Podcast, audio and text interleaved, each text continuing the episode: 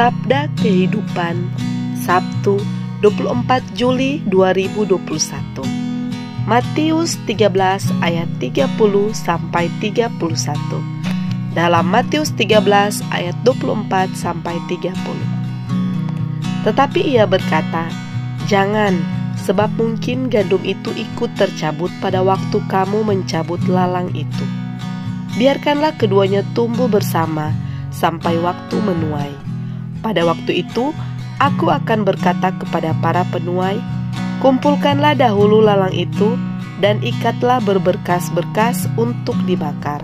Kemudian, kumpulkanlah gandum itu ke dalam lumbungku." Seorang petani yang baik tentu akan mencabut ilalang yang tumbuh bersama gandum. Tapi dalam kerajaan Allah, Bapa di surga begitu sabar dan baik hati hingga membiarkan keduanya bertumbuh bersama. Bukankah Allah menerbitkan matahari dan menurunkan hujan untuk siapa saja, orang baik maupun jahat, orang rajin maupun malas? Tapi jangan anggap enteng kebaikan Allah. Yesus sendiri telah menunjukkan kepada kita siapakah Allah kita.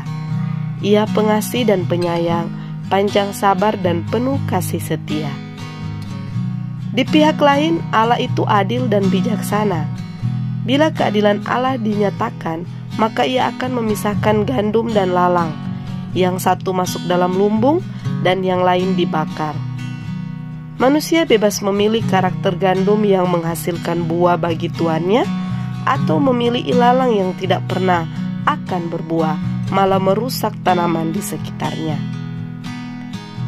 Yesus ingin semua orang menjadi gandum ia datang menunjukkan jalan. Itulah jalan pertobatan terus-menerus. Mari memilih jalan ini selagi masih ada waktu. Ilalang hidup hanya bagi dirinya sendiri, menjadi parasit yang merugikan komunitas dan orang di sekitarnya.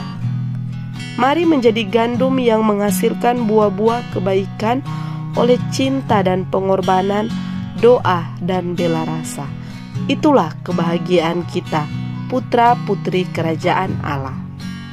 Selamat berakhir pekan, Tuhan Yesus menemani. Pastor Revi Tanot PR